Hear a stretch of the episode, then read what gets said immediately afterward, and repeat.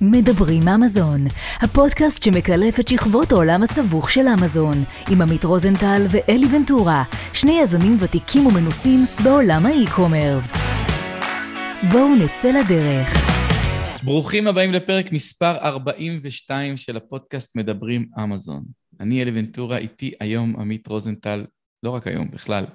והפודקאסט שלנו בחסות רוזנטל לוגיסטיקה מלווה יזמים ועסקים בכל שלבי שרשרת האספקה ומציעה פתרונות שילוח מתקדמים בעולם האי-קומרס ואמזון בפרט. אני מזכיר לכם שאת הפודקאסט שלנו אפשר לשמוע בספוטיפיי, גוגל פודקאסט, אפל פודקאסט ובערוץ שלנו ביוטיוב. והיום יש לנו פרק מיוחד עם כוכבים מאוד מאוד גדולים מאוסטרליה, שעוד מעט אנחנו נציג אותם, ולכן הפרק יועבר באנגלית. אז אה, תסלחו לי מראש על המבטא המקולקל שלי. נעשה את זה הרבה יותר, אלי. אנחנו נעשה את המקסימום. So, uh, good afternoon, good evening, Australia. Amit, please tell us. Who, yeah, so uh, good evening, uh, everybody. So, uh, with us today is Michael and Jamie. Uh, like, I know them uh, from some venture we're doing together, but in general, uh, they are uh, most known in the Amazon community with their uh, Facebook group, uh, Endgame Network. Uh, I told you earlier this before. I believe, like, I never noticed any group that the people inside are so engaged, like, end, like Endgame Network. And I'm sure it's uh, said a lot about uh, these both gentlemen. Uh, they are also Amazon sellers, so I, I was figured out that it was it would be a good idea to bring them both to listen to their journey and uh, yeah, Jamie, Michael, welcome. We are highly appreciate your time and that you are being with us today. Thanks so much. Ah, you're guys. welcome, mate. awesome to be Um, a- anything for you, my friend. Anything for you. Thank you, thank you. I I can say that my English is very, you know, uh, getting much better uh, throughout the journey with you guys because like we oh, we speaking like almost I don't know three times a week. Each session is almost two hours, so yeah. Something good something good will come out of it for sure Now you're doing well, mate. You're Uh, doing well. yeah thank you So I believe you don't, uh, you didn't have it, had the chance to listen to one of our episodes. Um, so what we're doing, just we are looking to hear your uh, journey on Amazon. Yep. So I don't know if it was together from the beginning or uh, you just combined on the on the way. But please take us a journey back in time, about uh, six months before you entered the Amazon world. What are you Mhm. doing these days? What are uh, how old are you? What what motivates you to enter Amazon? You go, Michael. Yeah, so um, yeah, as you know, my name's Michael, and um, obviously been business partner partners with Jamie for about uh, just over two years now. Um, but if we go back to back in time, um, I suppose prior to my journey into Amazon, I was actually drop shipping products from China directly to the US. Um, I Which had year over, are we talking about? uh, 2000 and late 2018. Yeah. 2018. 2018, yep. Okay. So prior to that, I was in the tech world, had a business tech startup that was um, doing some pretty cool things in the US. And I remember being in Beverly Hills on a business trip, and I said, There's got to be another way to earn passive income. And I came across this Facebook ad about drop shipping. And, and then I kind of jumped on that. I researched it and I started drop shipping products, like I said before, from um, China to the US. We had over 700 SKUs um, using Google Shopping. That was quite good. Obviously, using Facebook ads. But the thing about that that I didn't like was the fact that um, you know there was no branding. It was just off the shelf. I don't know what the product looks like. I didn't really like that aspect because I'm I'm fairly creative. You're talking So about I- Shopify? Shopify, yeah, using Shopify. a Shopify store. Yep. Yep. Okay. So drop shipping and stuff. So um, from there, I stumbled across Amazon, um, joined various communities, and launched a brand which is very successful. Uh, we've got four four ASINs at the moment. And then I met Jamie within the community, and we kind of just gelled and we connected and we we started talking, and then the rest is history. We, I suppose, Jamie, you could sort of elaborate a bit more, but we started the Endgame Network, and like Jamie said before the show started, we we're unlike other. I mean, there's a lots of different groups and they're all great, but we try and do things differently. We try Mm. and um, you know, like last Monday night, we had um, 211 people live on a Zoom, and we did a full product reveal Wow. brand name, you name it. So it was like full on. And we love giving back to the community. So that's kind of Mm. like a, a quick version of, of my journey and stuff. And Jamie and I together now, you know, the Endgame Network, we've got a private um, mastermind group called the Endgame Access. And we just manage, you know, various groups and, and, and help people and manage our various brands and the various projects that we're involved with as well. So um, it's busy, but we love ecom and the fact that um, you know we get to to educate people and help them make a difference in their lives. Yeah, Okay. that's that's a that's a pretty good summary. Um, for me, I started on Amazon in 2017. Before that, uh, my family had a logistics business, but not like Amit's logistics business in the freight forwarding. We were more on transport. So my family had a transport company, um, a lot of containers, isotainers, and bulk liquids, and different sorts of cargo. Totally different than Amazon and ecom products. Um, big, bulky, um, you know, freight. And um, I, I was involved, heavily involved in the logistics family business, working six, seven days, long days away from my family. Got four kids. And uh, my wife, you know, when I never saw her, I never saw the kids. We had four children under four years old when our twins were born. It was crazy. Now they're all teenagers, so it's a little bit different. But um, I said to my wife, look, there has to be a better way for me to stop trading money for time if there's possible. And we started, you know, researching into products. My wife had always done things on like eBay and things like that, but we stumbled across, you know, uh, Amazon courses and the Amazon business model. It looked attractive. We couldn't fault it. Like Michael said, we're quite creative. My wife's very creative as well. We got to put our fingerprints on products. We got to, you know, get involved in the whole product development and brand development. And that really appealed to us that we could have control over what we wanted to create. And, um, you know, the first year we launched, um, we had another business partner involved as well. So it was my wife and my business partner, um, not Michael in the, in the, in the Amazon business, another business partner. And we got to seven figures real quick. You know, we had some early success. It was, um, you know, a great brand.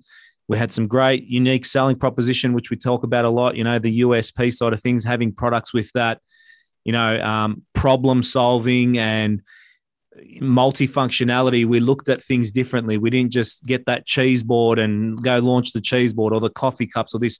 We really started to get into creative product development. And um, that was a big suc part of our success. Michael I- and I met I have a question. Yeah.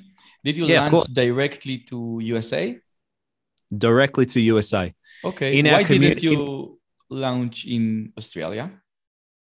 In Australia, there's 25 million people, and in the US, there's 360 million people. Okay. When I first when I first started, Amazon Marketplace wasn't in Australia. In 2017, it wasn't here. I think it came late 2018 or 19. So when we started, there was no Amazon in Australia. It's only the last three or four years, whatever it's been. and now um, we are selling in Australia? No, we still don't. We still don't. Michael doesn't. A lot of our community do, but I would say 90% of our community is all in the US where the demand is. I so will I have a question. So I, I have a small question in that regard.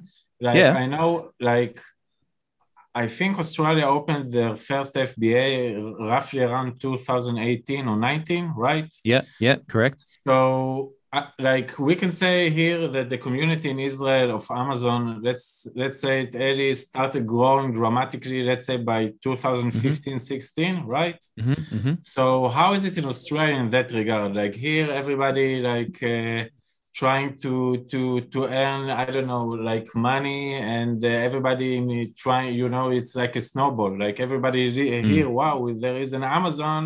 Let's try this business. How is in Australia back in the days, like two three years ago? Like how people even know about Amazon and even started trying the, the Amazon business or Amazon model. I think it was about Yeah. six months in Amit. We actually brought product out here that was very successful, seven figure business out to Australia to test. And it Yeah. was like ghost town. No one buying anything, you know, compared to selling hundreds of units a day there, maybe one or two a month, same product, right? It was just people in Australia were always eBay shoppers. eBay's got a very strong footprint here in Australia. Um, also, Catch, another business here, another marketplace. And so Amazon came, they didn't come to muck around, as you know. Amazon come to play serious games.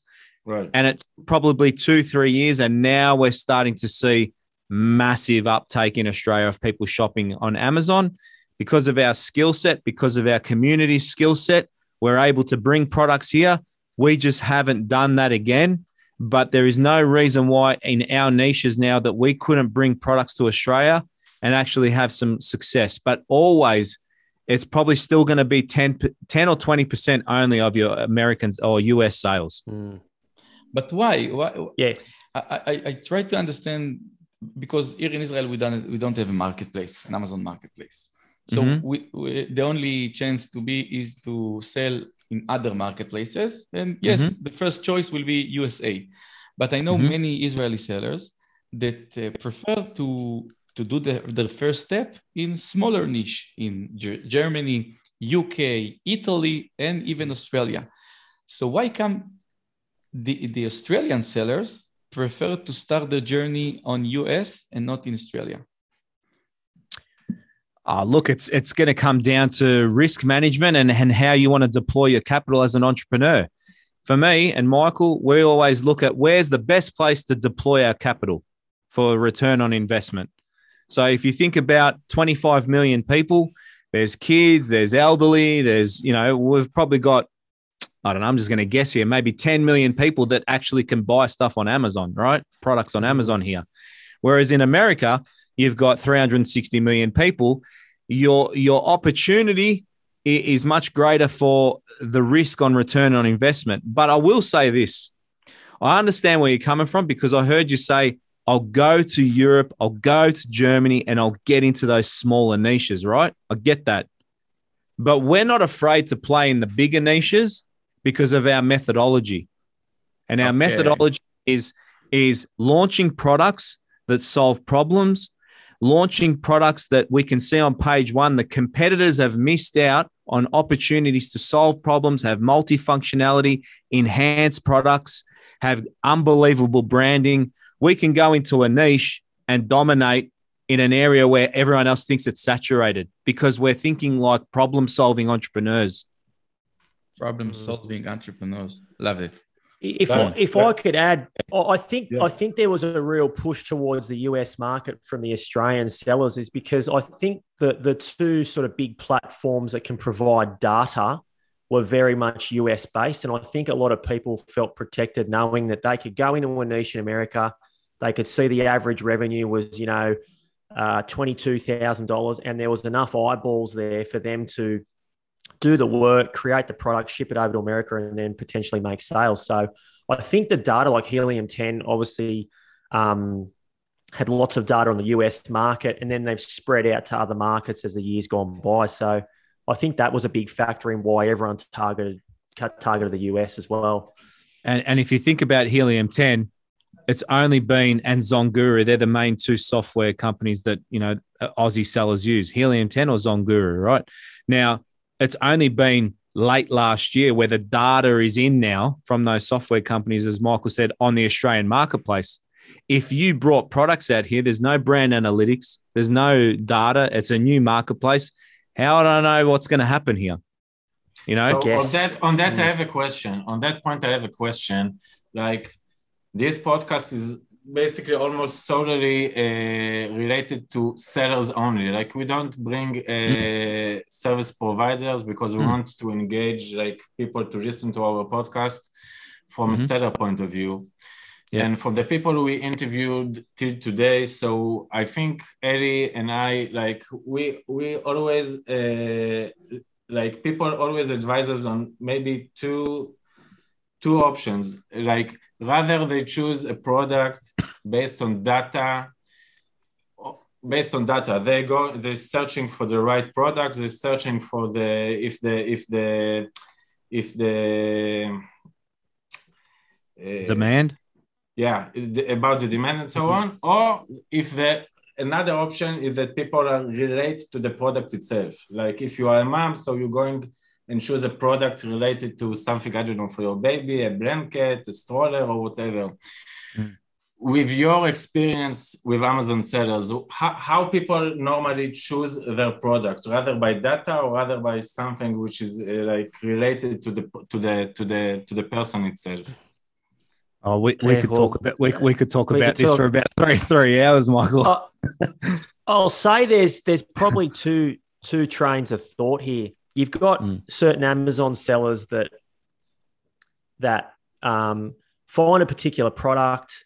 Um, you know, there may be a little bit of data, and they just launch it, um, and it's a Me Too product, and it gets lost amongst the crowd and it's very difficult to sell. PPC might be expensive and stuff. So there are those types of sellers like that that may be a mum and they might want to sell in the baby niche because they're passionate about it, but they make their decision based on their passion, um, which is fine. But but sometimes we see people get in trouble. Our methodology is is is quite simple, um, in that we always want data.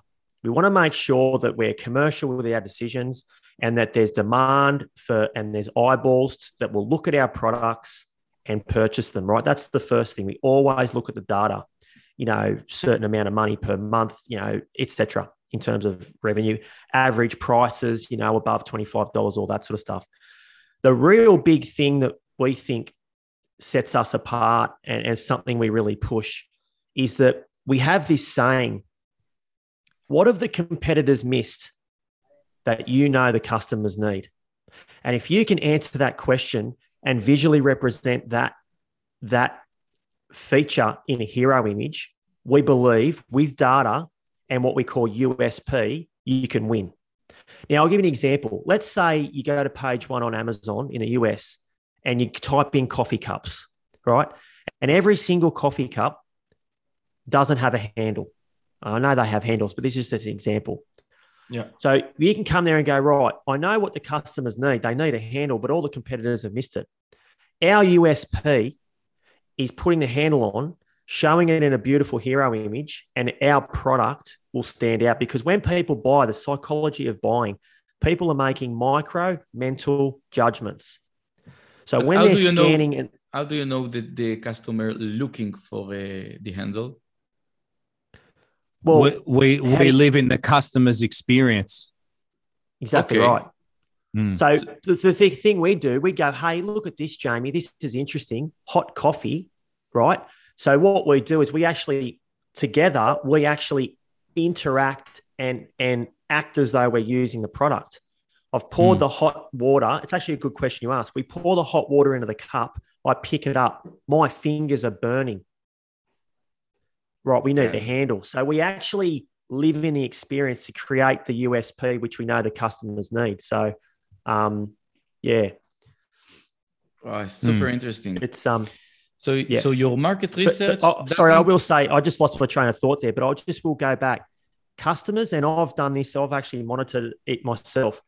When people go to page one, they're making what I said before, micro mental judgments, and our role is to have the micro mental judgment they make about our product to be a positive one compared to the competitors. I don't like that one. It's too big. Hate the color. Look at that. Oh, look at this one. That's got a handle. They've thought of me. Bang, they buy. That's all we're doing in this game. We back it up with data, but we've got to get their thought processes to say, I identify with that. And that's what we're all about in terms of USP. But what you're describing is it's one of the most complicated things to do. You need to think yes. like your customer. You, and you, we are, you are hundred you are hundred percent, Eli. It's very hard, but in this day and age, in such a competitive game that we're all in, you have to be able to paint. You have to be able to get creative. Not every idea is going to be good, but you have to put them all out on the table and we like to call it the five knockout punches. We try to add five USP, unique selling propositions to each product if we can. This, that, bang, bang, purchase. Everyone else has missed it. Enhance multifunctionality. And you're right, it's very hard to do it. But that's why we have the confidence to go into a market. Once we've established demand, once we've established keyword, you know, master lists, once we've seen what the competitors are like at Amazon and how they're ranking and you know what how what their ability is, we can then go, okay, and the data, the demand is there. Now let's paint. We have to be artists. Always use the methodology of this. You can go to a restaurant or a bar and you can see a band playing, right? You can see the band playing up there and they're playing, let's say the Rolling Stones. Everyone knows the Rolling Stones, right? And the and the musicians, they're playing the Rolling Stones exactly like the album. It's exact. The singer sounds like it. The guitarist sounds like the Rolling Stones. The drummer sounds like the Rolling Stones. If you close your eyes, it's the Rolling Stones. But there's so many talented musicians in the world, but there's only a few that could create the hits. God, yeah. Because if they could create the hits, they would be on the big stadium playing the music. So I know that that's, you know, very, um, you know, easy for me to say, but we back our ability to create the hit. So your your point of view, your highlight. I want to highlight something because it's really really important, and I want to, to understand that I understand you correctly. Every mm-hmm. product that you want to produce, you're looking for at least five USPs.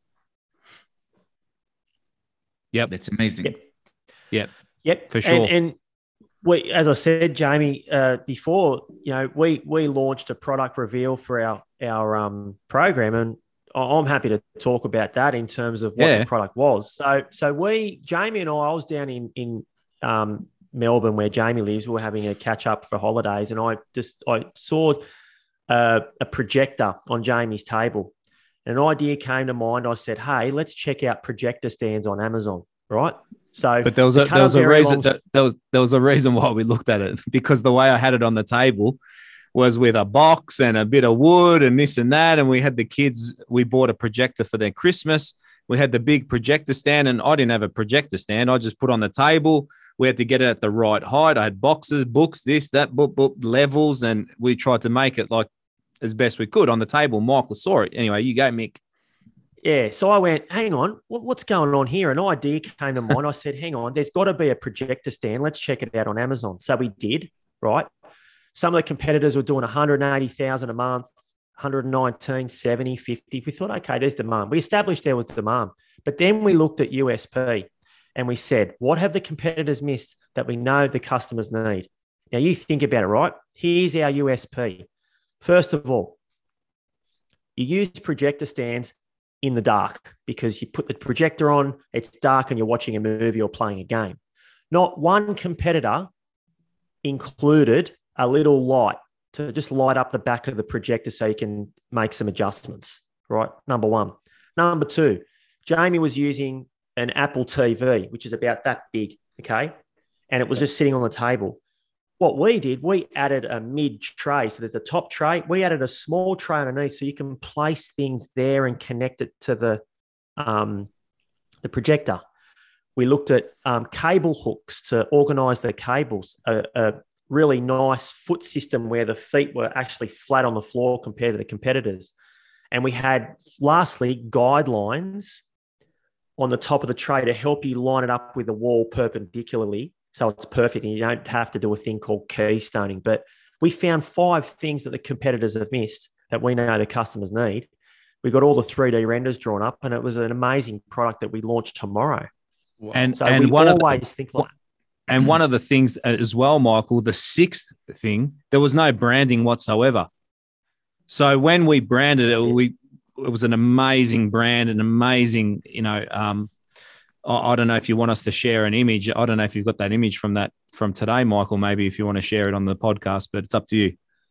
Yeah, I've got an image here if you want to see it. It'd be great to show the audience because then you can see exactly what we did. Um, if you have a look at the competitors and you have a look at our image, it's just like that's where I'm going to go with that product. I'm going to purchase that every day.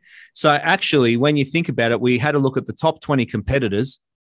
Probably the first alpha six, the six competitors, the best six, were doing between eighty and one hundred and thirty thousand dollars a month.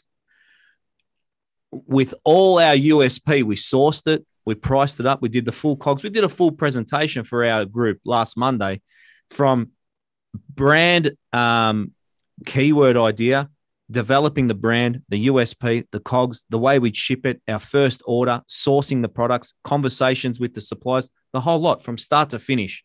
This is how you're going to survive these days, guys. These are the sort of things that we do.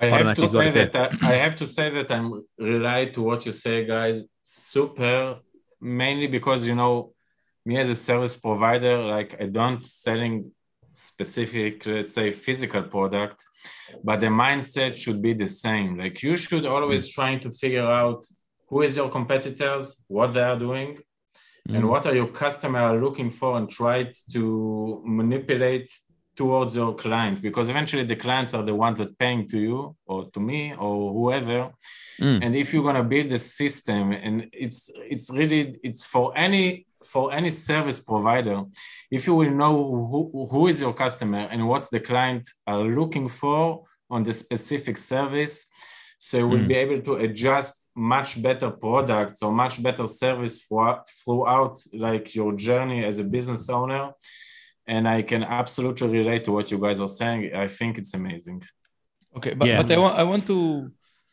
I want to ask questions regarding Mhm. this. Of course.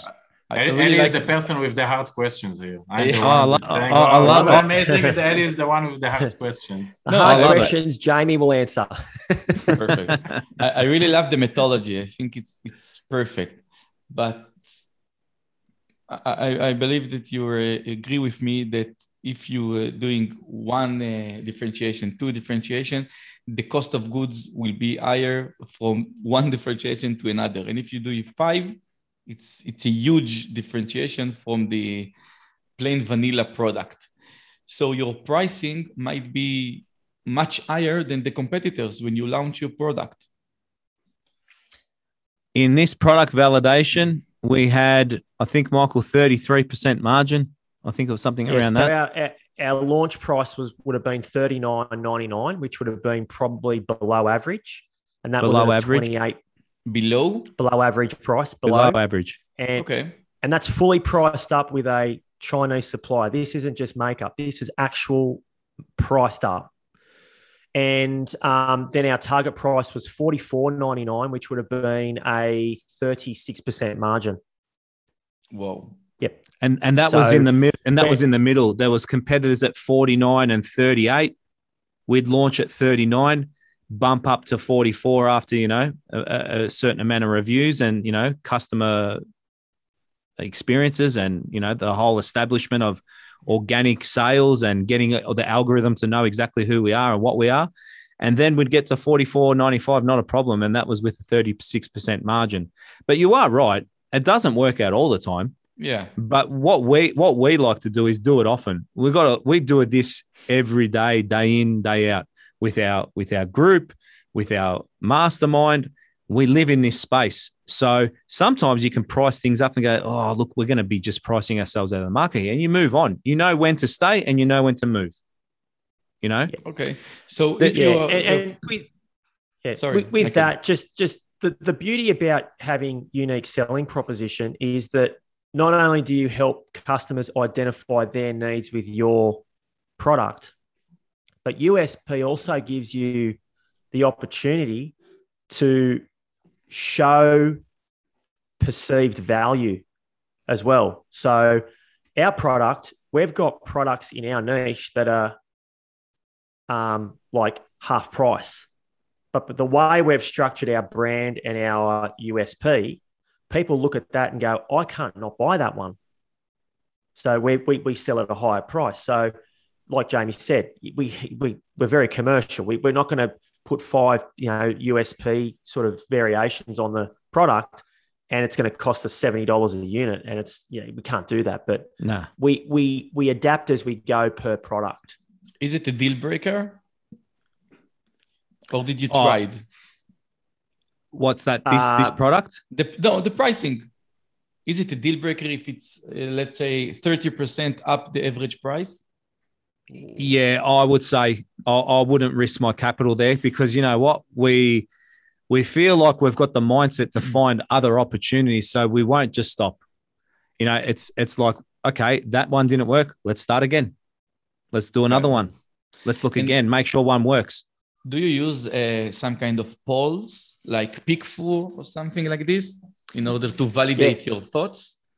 Yeah, you go, Michael. Yep, I- I've used I've used PickFu um, in the past to sort of work out. I suppose the way I used it was to work out our best hero image. Um, but when we do when we work on our USP, the technique Jamie and I use, like as another example, we did a product reveal for a keyword, and I encourage your listeners and, and watchers of your YouTube channel to check it out. The keyword's rain barrel. So what and a rain barrel is connected to your downpipe and it allows you to create um, you know, capture water in a barrel that's about 80 gallons, right? And then you can have outlets in there and sort of get the water out and use hoses and stuff. Well, Jamie and I sat down and we said, right, we open this is what we did. We open the sliding door, we go outside, we look to our left and we see the rain barrel there connected to the downpipe, right? We started doing this. Out of that discussion and that act of actually being an owner of the product, we worked out one really important thing. All the competitors missed the fact that there's no indication to let the person know how high, how full the water barrel is. So water we went- gauge, water gauge, sorry. We water level gauge. water level gauge. When you're looking at the competitors' products, there's no way of telling how much water's there. So we added a water gauge to show you the level visually with an orange ball at the top. And it's simple. It was cheap. I mean, when we priced it up, it was like the tube was like, you know, 20 cents. But when people look at that page and they're looking for a rain barrel, right? Do you think the one that tells them how much water's in the barrel is going to capture their attention the most because you can see it in the hero when everyone else has missed it? Of course. We've seen it so many times. Another thing living in the experience because I live on a farm and we actually have to capture our water. So I knew that when it rains, there could be, you know, things in your gutter. And as it's coming down the water, you're going to get leaves, you're going to get rubbish coming down. No competitor had a leaf basket. So we implemented a leaf basket, a removable leaf basket. So as the rain came in, I could take the leaf basket out, empty the rubbish, put it back on.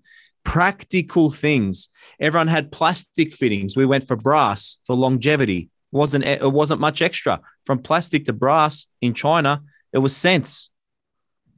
Um, and then branding and the whole thing. And we we, you know, we did different things as well. They were collapsible water barrels. We halved our you know our, our our boxes and our size of our boxes and all that sort of stuff but i i, I want to just sort of like you know go in this area and and i know you know we're coming up to time with you guys and stuff like that but what me and michael want to really express is we've seen people get burnt in subjectivity niches that's what we call them when products are your sales and your income and revenue is based on someone's taste. Mm. and that's a no-no for us. So if you're selling curtains or drapes and there's blue and pink and white, and someone goes, I really like to get into these curtains and drapes. I'm going to do the white ones with the polka dots because there's no white ones with polka dots. We don't go there because then it's up to that whole niche people that like white with polka dots. Yeah. You can't, you can't, you can't, you can't predict um, ROI. You can't predict growth in your business and scalability. But when you come up with problem solving products, you know that you can become the alpha ASIN over time in that niche. What another thing we do is we call them keyword soldiers, where we have products with different keywords. We don't sabotage our own listings. So the projector stand, we also looked at DJ laptop stands for future products for that brand. DJ carting equipment like trolleys to bring the, the gear in for the DJ. And then also another product we found with a keyword was um, iPad. What was it, Michael? It was um, Uh, it was a uh, check check-in stand. check-in stand. Oh, so you know when you're going Yeah, anti-theft Yeah, that's it, iPad, anti-theft iPad stands. It had our it had our brand written all over it. right? It had our brand written all over, it, but four different keywords. We'd go into there, look at USP, go in with five knockout punches everywhere, and we can get more bang for our buck knowing that we're not staying in one keyword. We can get our 30, 40,000 from there. We can get our 20, 30,000 from there. We can get our 70,000 from that keyword. And the risk is then diversified. Yeah. Uh, that's amazing. Mm. Okay, uh, we're approaching to the end of the session, but I do want to ask a few questions. One question, and I know you try to to ignore it, but let's talk two minutes about the Australian market. Do you think Yeah. in about three or four years from now, the Australian marketplace will be much bigger and every seller in US have to sell in the in the Australian marketplace? They're coming now. It's it's big now. Yeah. We, we need to start looking at bringing our products here too now. The ZonGuru and Helium 10, the data started um, just before Christmas, I think October, on all the sales velocities in Australia. You can look now to see what your niches are doing. Oh, So- nice. um, Australia is starting to boom. And if you've got footprint here and you're set up, you're ready to go, you, you'll do all right. All the overseas sellers are now bringing stock here. Before it was order from the US to get gear here. Now they're bringing all their inventory here. So you don't uh, don't worry about two or three years. It's happening now. Got it. Okay, that, Mm. that's a that's one good uh, When statement. yeah, when Amazon want to come to a country and dominate, um, they come and dominate because they've got so much money. So yeah, but it's it's here, ready to go. Mm. Australia, definitely. the Australia marketplace was a, a huge case study for Amazon because they launch mm. launch FBM doesn't succeed. Mm. The Australian people um, uh, continue to buy from US, and then I remember that Amazon, um, I think, uh, banned the, the Australian people to go to Amazon.com. Yeah, yeah, yeah. But they didn't Look, give up. Yep. what I will say with Australia now is um, just remember our population. Don't don't send too much stock. Try something small. You know, some LCL, s- smaller shipments to um, to try it out because you know we've got a small population. You still have to remember that. Although Amazon's becoming the number one shopping marketplace, you have to remember our population. It's never going to be the same as US. It's never. Yeah. Shipping To give you an from idea of size, Okay. to give you an idea of size, um, America has 80 Sydneys, and Sydney is our biggest city. So Got that just goes to show how big America No, is it's, compared it's, to al- Australia. it's also it's also there is a di- I believe there is a b- big different mentality between the Australian like I know there is between the Australian people and the Americans concerning consumer and buying stuff and so on. So there is also the, the, the difference. In the, Mhm. in, But in- it's in a, It it's a huge country and the, the, the um the distance know, between the distance areas between is, is areas is- enormous. It's, It's, enormous. it's very it's very far. It's very Yeah. far. in Israel if you want to Mhm. buy something you just jump 5 minutes uh, to the mall and yeah, buy it. max five minutes max. Yeah. oh, look, in, in our major cities, it's it's like that. But yeah, as soon as you go an hour, hour and a half out of our major cities, you're in the middle of nowhere. Let- Let's talk Yeah. about the shipping. One minute about the shipping. The shipping from China to Australia is cheaper than Australia to China to US.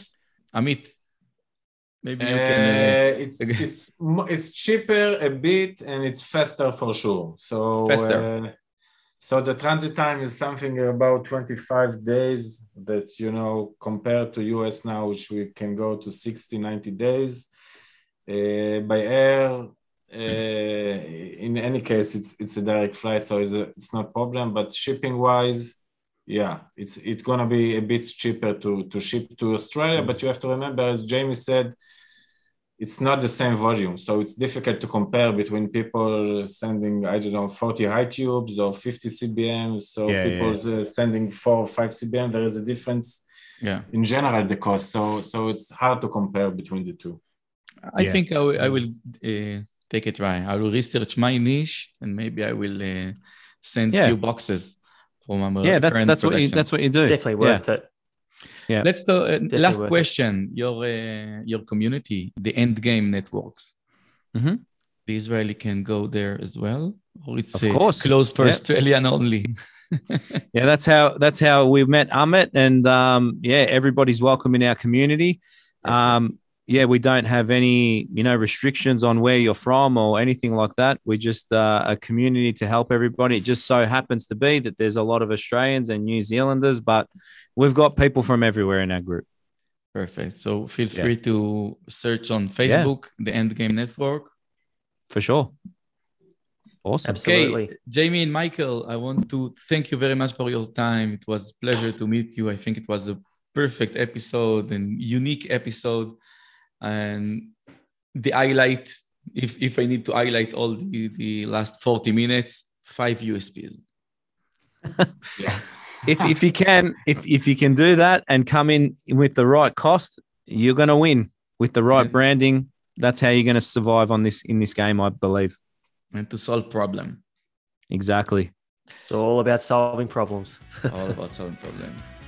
Thank you, Thank you, very, guys. much Thank you very and much. have a good evening. Thanks for having us. Ah, thanks for having us, guys. It Thank was- you. it was really really good. appreciate it. Anytime. Thanks to you. Thanks to your audience. Take care. Yeah. Thank you. Bye bye. Bye.